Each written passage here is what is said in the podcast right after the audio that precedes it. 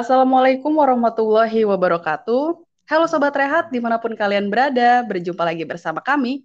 Dua ahli gizi yang berbeda profesi, namun tetap satu profesi. Pastinya masih setia menemani malam minggu kamu di mana pun kalian berada. Bagaimana kabarnya Sobat Rehat minggu ini? Semoga kalian sehat selalu dan bahagia. Oke, langsung aja nih Pak. Kali ini ya. kita mau temanya apa dan siapa narasumber kita kali ini, Pak? Ya, bukan KW-KW nih. Kali ini uh, tema kita akan membahas tentang uh, vaksin ketiga untuk tenaga kesehatan. Aman nggak sih sebenarnya? Terus hmm, kayaknya okay. sempat rame-rame gitu nih kemarin. Iya. Kayaknya gejalanya lebih vaksin ketiga lebih, ya. Lebih parah, bukan gejala, ya, efeknya lebih lebih terasa gitu. Soalnya oh, teman-teman gitu. ngerasain. Nah, iya. uh, kita kali ini adalah seorang dokter yang hmm, bertugas okay. di UPTD Puskesmas Sukodono dan juga uh, sebagai dosen di Universitas Negeri Semarang. Kita sapa langsung aja ya. Ini dia Dokter Maula Nur Fahdi. Ya, halo teman-teman semuanya. Assalamualaikum warahmatullahi wabarakatuh. Waalaikumsalam warahmatullahi wabarakatuh. Ya. Gimana dok kabarnya hari ini? Alhamdulillah sehat. Sehat sekali ya. Walaupun kemarin sempat agak kurang enak badan, tapi tetap alhamdulillah hari ini hmm. sehat, sehat walafiat. Alhamdulillah. Kemarin uh, vaksin ketiga ya dok? Iya, hari Senin kemarin vaksin ketiga. Mm -hmm. Terus sempat ada efek-efek yang lumayan? Kalau efek yang lumayan nggak seberapa sih, paling uh -huh. cuma uh, nyeri di tempat suntikan sama demam aja sih. Tapi nggak mm. terlalu yang sampai seperti orang-orang uh, kabarin yang benar-benar sampai drop atau yang lain-lain gitu. Hmm, gitu. Oh, ya ini sih, berarti dokter sudah vaksin, Dok ya? Sudah, sudah yang ketiga oh, kemarin. Kapan itu, Dok, vaksinnya? Kemarin hari Senin tanggal 16 Agustus. Berarti tadi kalau dibandingkan teman-teman ya untuk uh, dokter Maula sendiri efeknya nggak nggak begitu ya meriang-meriang dikit terus kayak uh, pegel, pegel, pegel tangannya efek suntikannya itu ya yeah. seperti biasa dan memang ada teman-teman juga yang kemarin ada yang sampai demam cukup tinggi, hmm. terus uh, meriang, katanya nggak enak badan, terus ada yang uh, bapil juga nggak sih? Uh, sebetulnya efek sampingnya nggak ke arah batuk pilek sih. Itu mungkin sebelum dari vaksin sudah ada gejala batuk pilek duluan. Hmm. Uh, makanya setelah vaksin karena daya tahan tubuhnya turun, batuk pileknya semakin uh, lumayan. Oh, Oke. Okay. Berarti gejalanya lumayan sama ya dengan vaksin sebelumnya, dok? Uh, kurang sebetulnya lebih? ya kurang lebih hampir sama. Cuma memang untuk yang ketiga ini memang harus membutuhkan fisik yang lebih fit ya dibandingkan vaksin yang pertama dan vaksin yang kedua. Hmm, Oke. Okay. Kemarin oh, dapat vaksinnya apa dok? Kalau vaksin ketiga saya dapat Moderna. Hmm, Moderna. Yang pertama dan yang kedua kemarin? Uh, yang pertama CoronaVac atau Sinovac. Hmm, yang pertama dan kedua ya? Ya, yang pertama dan kedua. Yang ketiga ini dapatnya Moderna. Moderna. Tapi ada ada perbedaan nggak sih sebenarnya vaksin yang sebelumnya sama yang sekarang, dok? Kalau untuk perbedaan secara spesifik, uh, saya kira nggak ada ya. Itu hmm. memang kan semua memang uh, virus yang sudah dimatikan sama-sama keduanya walaupun dari Sinovac atau yang Moderna itu uh, tipe vaksinnya hampir sama, cuma yang Moderna ini kan menggunakan uh, mRNA, jadi dia mm -hmm. lebih memang lebih fokus dan lebih bisa dikatakan lebih kuat dibandingkan yang Sinovac. Lebih kuat apanya nih dok?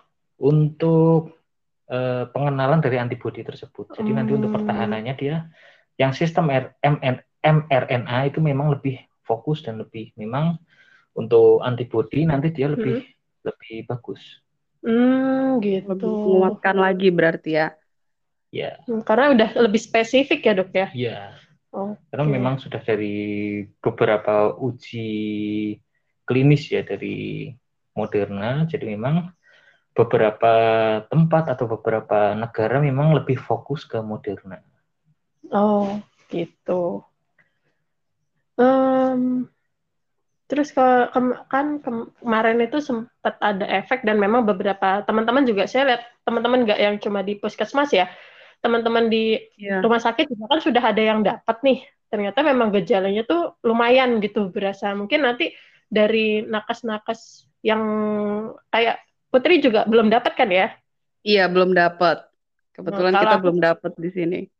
Oh, gitu. Kalau kalau aku sih kebetulan jadwalnya uh, hari ini ya saat rekaman. Oh, uh, berarti di sini mau mm, vaksin. Mau vaksin, uh, semoga aman dan kuat ya, Pak. Amin. Nanti kabarin kalau ada efek samping ya.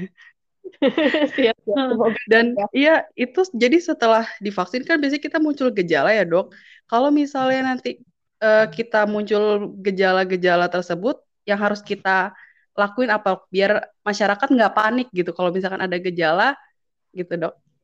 Benar, karena kan nanti kan uh. isi, awalnya beritanya Moderna ini memang untuk nakes dulu, tapi ternyata juga kan akan iya. diberikan ke masyarakat. Takutnya oh, biasanya masyarakat okay. ngelihat efeknya lumayan terasa nih dibanding vaksin-vaksin sebelumnya. Nah, uh, iya. apa yang mungkin bisa dilakukan setelah dapat vaksin ini? Oke, untuk khususnya Moderna, uh, perhatikan uh, sebelum dan sesudah vaksin. Yang pertama sebelum vaksin ini kita harus benar-benar uh, tahu kapasitas diri kita dulu. Jadi uh, kita itu dalam keadaan fit atau tidak, atau memang uh, sedang ada keluhan apa atau tidak. Jadi jangan dipaksakan Hmm. Kalau memang uh, badan kita fit, sehat, tidak ada keluhan apa-apa, oke okay, bolehlah, bolehlah uh, kita untuk vaksin mm-hmm. ya. Jadi untuk ke depannya setelah vaksin, biar efek-efek samping itu tidak timbul secara yang bisa dikatakan yang parah, bisa sampai mm-hmm. drop seperti itu. Mm. Karena vaksin itu kan memang uh, mengandalkan daya tahan tubuh kita. Mm-hmm. Kalau daya tahan tubuh kita drop di awal sebelum vaksin, pasti nanti setelah vaksin uh, akan lebih drop lagi. Jadi jangan dipaksakan karena memang uh, seperti kita tahu ya sekarang di mana-mana syarat-syarat orang itu harus menunjukkan kartu vaksin untuk masuk ke mana harus menunjukkan kartu vaksin ya. Betul. Uh, ya, jadi betul. orang harus dipaksakan vaksin padahal tidak. Ya. Uh, untuk vaksin itu kan ada jadwal-jadwalnya. Kalau memang uh, kondisi kurang fit atau tidak fit, mm-hmm. lebih baik ditunda dulu, benar-benar sampai badan sehat jangan dipaksakan. Karena oh. nanti ke oh. depan juga masih ada vaksin. Okay. Jadi harus di harus diperhatikan itu dulu. Ya, jadi harus diperhatikan itu dulu. Kalau memang badan fit, oke, okay, vaksin siap. Jadi efek sampingnya yang diharapkan tidak timbul parah. Ya, jadi seperti itu. Jadi jangan dipaksakan kita lihat kapasitas diri kita dulu. Nah, okay, setelah kita vaksin, mm-hmm. kita harus benar-benar uh, istilahnya sudah dapat vaksin, kita harus gimana cara kita untuk bertahan dari vaksin itu. Mm. Yang pertama kalau memang uh, ada gejala-gejala yang muncul, misalkan contoh paling sering ini demam ya, mm-hmm. paling sering ini yeah. demam. Jadi eh, tiga jam atau dua jam atau tiga jam setelah vaksin boleh walaupun belum muncul demam, kita bisa minum untuk paracetamol. Jadi untuk anti nyeri itu bisa untuk anti nyeri juga menurunkan demam. Jadi di saat kita sorenya atau malamnya itu eh, tidak demam yang tinggi sekali. Ya, jadi hmm. kita antisipasi dulu hmm. menggunakan paracetamol.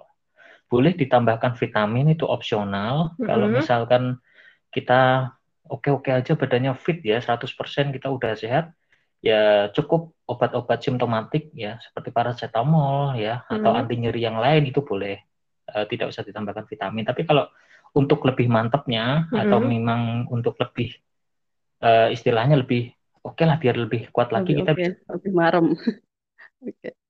ya jadi uh, menurut saya uh, cuma anti nyeri paracetamol ya itu cukup sih atau vitamin. Jadi hmm. nggak usah perlu obat-obatan yang lain, apalagi antibiotik ini harus dilarang karena memang uh, itu akan mengganggu sistem dari pengenalan antibodi ke vaksin tersebut. Jadi hmm. antibiotik ini memang uh, seminggu sebelum vaksin dan seminggu setelah vaksin ini harus ditunda lebih baiknya. Oh, Jadi gitu. oh. tidak boleh apa pengkonsumsian antibiotik ini memang antibiotik. antibiotik sebelum dan sesudah vaksin. Jadi biar uh, nanti vaksin yang masuk tidak mubazir Hmm, gitu. Iya Oh, malah biar vaksin yang bekerja ya, bukan antibiotiknya. vaksin, Hmm. terus malah di antibiotikin malah malah dihilangin malah Iya, nggak gitu. Jadi eh, vaksinnya netral nanti. Hmm. Jadi Gitu. memang eh, obat-obatan simptomatik aja. Dan berarti intinya nggak boleh sok kuat ya kalau memang eh, apa namanya sebelum vaksin ngerasa nggak enak, Jangan Jangan dipaksakan. dipaksain. dan setelah- jangan dulu. ya sebenarnya eh, malah harus merasakan ya ada nggak eh, Iya. efek-efeknya Nah, gitu kalau diperhatikan. memang ada efeknya itu kan berarti antibodi kita sedang melakukan perkenalan dengan vaksin tersebut. Iya. Jadi Oh, eh, ternyata sakit itu tanda ya. Itu memang prosesnya vaksin itu gitu. Jadi memang kalau sudah ada demam itu berarti eh, antibodi kita sedang melakukan perkenalan. Ya. Hmm. Sedang Jadi enggak terbentuk. apa namanya seperti kejadian-kejadian yang di luar sana yang habis vaksin terus eh, masuk ke rumah sakit Mm-mm. atau ada berita-berita yang eh, habis vaksin terus meninggal Mm-mm. sebetulnya eh, Iya. itu bukan vaksinnya tapi karena Mm-mm. memang eh, mungkin Badan dipaksakan kitanya. ya sebelum Hmm. sebelumnya itu sudah drop dulu Mm-mm. tapi dipaksakan untuk vaksin karena mungkin orang mikir oh saya sudah dijadwalkan hari ini jadi ha- saya harus vaksin hari ini mau nggak mau padahal sebetulnya ditunda bisa kita ikut yang Berikutnya.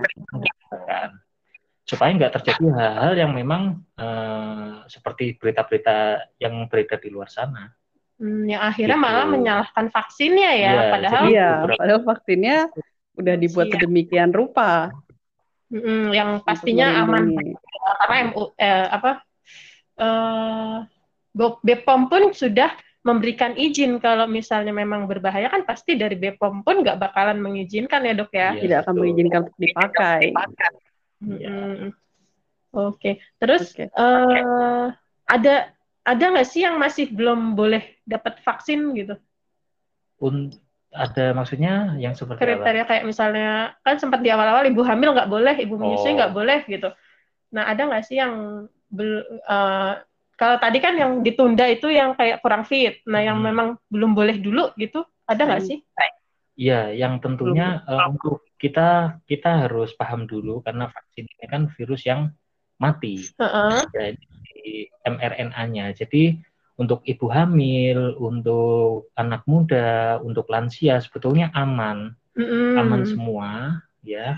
Asalkan tidak ada eh, penyakit penyertanya, ya. Oh gitu. Jadi nggak ada komorbidnya, nggak ada penyakit penyertanya, ya, yang memang benar-benar eh, sudah parah, bisa dikatakan seperti gagal ginjal, Mm-mm. Ya atau kanker yang sedang masa kemoterapi Hmm. itu memang kita harus perhatikan beberapa aspek. Tapi kalau untuk penyakit-penyakit seperti hipertensi, diabetes atau yang lain asalkan eh, terkontrol atau baik, maksudnya angka gula darahnya stabil baik, sebetulnya nggak apa-apa. Vaksin vaksin aja Hmm, apa-apa. berarti aman boleh. Semua aman, ya. aman, insya Allah aman semua. Yang penting memang harus tahu kapasitasnya dulu kita seperti apa, sehat apa enggak. Gitu. Yang penting terkontrol untuk eh, pasien-pasien memang yang sudah lansia, yang sudah eh, penyakit komorbid atau penyakit penyerta, ya ini harus harus diperhatikan, harus Mm-mm. harus dievaluasi secara berkala. Jadi sebelumnya itu eh, normal terus atau enggak, atau Mm-mm. stabil terus atau enggak. Ya kalau naik turun ya nanti ditunda dulu sampai benar-benar stabil Mm-mm. baru berani kita vaksin. Jadi nggak dipaksakan ya. Kadang-kadang sekarang kan ada orang yang maksa pokoknya harus vaksin. Heeh, iya, karena mereka maksain biar bisa keluar. pengennya gitu ya. iya, apalagi mau mudik jauh. Nah, butuh vaksin gitu. Jadi harus vaksin. Dipersiapkan dari jauh ya, nggak eh, Iya. tiba-tiba terus mau vaksin dan benar-benar harus mantau kesehatan dulu sebelum divaksin. Jaga makanan juga pastinya ya Pak. Jaga makanan Iya. dulu sebelum vaksin biar badannya lebih fit lagi. Berarti ini nantinya akan tetap diberikan ke masyarakat, cuman kita untuk ke kesehatan dulu, ke nakes dulu. Iya, untuk yang apa namanya Moderna ini ya dok ya. Iya, Tapi nanti Moderna. akan ada. Kita kemarin juga dapat sempat dapat kabar akan di dropping untuk masyarakat juga ya dok ya. Iya. Nah yang terakhir nih dok, Eh tips menjaga kesehatan mungkin supaya sebelum vaksin dan juga selama masa pandemi ini nih uh, apa nih dari dokter Maula? Jadi untuk kasus di khususnya di masa pandemi seperti ini ya untuk menjaga kesehatan kita yang penting itu kita harus perhatikan pola istirahat kita, mm -hmm. Pola makan kita, sama olahraga, aktivitas fisik kita. Jadi kunci dari masa pandemi ini sebetulnya hanya tiga sih, ya istirahat, mm-hmm. makan, sama olahraga. Ya, yang mungkin kita di dalam pandemi ini eh, tiga pilar ini kita sering sering lupa, sering sering apa namanya, sering sering diabaikan, sering diabaikan ya. Padahal istirahat ini sangat bagus untuk daya tahan tubuh kita. Terus makan makanan yang pokoknya yang sehat ya. Sekarang kan banyak makanan instan, makanan ya fast food, junk food. Ini yang ini sebetulnya di masa pandemi seperti ini harus dihindari. Jadi kita harus benar-benar mempertahankan kadar gizi, protein, nutrisi dan lain-lain. Ini uh, harus harus kita perhatikan. Karena memang itu sangat mempengaruhi daya tahan tubuh kita, juga mempengaruhi metabolisme kita. Jadi supaya nanti gula darahnya normal, terus mm -hmm. tensinya bagus, asam urat bagus, jadi benar-benar tubuh kita ini siap ya dalam menghadapi masa pandemi ini. Terus olahraga juga olahraga ini penting sekali aktivitas fisik minimal 30 menit selama satu hari atau gitu. kalau kuat satu jam ya satu jam. Mm -hmm. Pokoknya harus olahraga. Ya olahraga ini berbeda dengan aktivitas fisik. Jadi kita harus benar-benar meluangkan waktu minimal 30 menit hanya untuk fokus untuk olahraga. Oh, olahraga. Kalau nyapu berarti nyapu, bukan dok ya? itu aktivitas fisik. Soalnya ya. kan gitu, saya sudah beraktivitas begitu. Kalau misalkan ditanya dengan ahli gizinya. Iya, itu itu aktivitas fisik bukan olahraga. Jadi olahraga itu iya. benar-benar meluangkan satu waktu ya beberapa menit untuk benar-benar kita ngeforce uh, tubuh kita. Jadi supaya uh, jantung terus uh, sirkulasi juga dengan olahraga kan otomatis menjadi lebih bagus ya. Iya, ada gerakan khusus Iya. Jadi kalau nyapu, nyuci baju atau nyetrika itu aktivitas fisik bukan olahraga. Jadi eh, tidak bisa disamakan, tapi kita harus benar-benar meluangkan waktu setidaknya ya 30 menit lah. 30 menit misalkan kita katakan untuk bersepeda atau mungkin jalan atau lari kecil itu sudah bisa dikatakan olahraga. Hmm, bergerak ya. Bergerak, terus ya, hmm, yang hmm, hmm. stabil konstan. Jadi kalau nyapu kan kadang kita Eh, lima menit berhenti, lima menit berhenti. Atau malah lima menit selesai. Ya, lima menit selesai itu kan bisa dikatakan kebanyakan rebahan. Waktunya, waktunya yang konstan. Jadi 30 menit itu konstan. Hmm. Itu seperti itu. Oke, Putri ada lagi nggak nih yang mau ditanyain? Mungkin penasaran mau belum vaksin kan gitu? Iya, belum vaksin. Cuma tadi udah terjawab semua oleh dok oleh dokter ya. Berarti hmm. kita pertama harus menjaga daya tahan tubuh kita, makan yang hmm. bergizi, istirahat yang cukup, dan olahraga ya dok ya. Ya olahraga. Iya nanti nggak uh, sabar juga nih mau nunggu yang ketiga. Semoga cepat di sini juga di kabupaten saya. Mm -hmm. uh, makasih banget informasinya dokter. Sama-sama ya. Iya, iya. Begitu nambahin aja waktunya sudah menemani kita malam minggu kali ini. Buat teman-teman tetap perhatikan uh, apa namanya uh, kesehatannya, Kesehatan. Protokol kesehatan. Jangan lupa pakai masker, cuci tangan. Kalau habis dari luar rumah sebaiknya mengganti pakaian. Terus yeah. kalau bisa langsung mandi, apalagi kalau habis ketemu banyak orang. Iya, apalagi kalau di rumahnya ada bayi juga, keluarga biar yeah. keluarga kita sehat semua, saling Betul. menjaga. Jangan ya, egois untuk kesehatan. Juga akan melindungi orang lain. Oke, okay. okay. sobat rehat. Buat, uh, buat kalian yang masih ada pertanyaan seputar tadi yang kita jelasin, bisa mm -hmm. banget kirim pertanyaan melalui komentar atau DM di Instagram kami @rehatgizi. Sekian perbincangan minggu ini jangan sampai kelewatan mendengarkan podcast-podcast kami berikutnya. Berikutnya. Semoga malam minggu kalian tetap ceria, bahagia, dan sehat selalu. Sampai bertemu lagi. Assalamualaikum warahmatullahi wabarakatuh. Bye. Sudah. Terima kasih, Dok. Sama-sama, ya.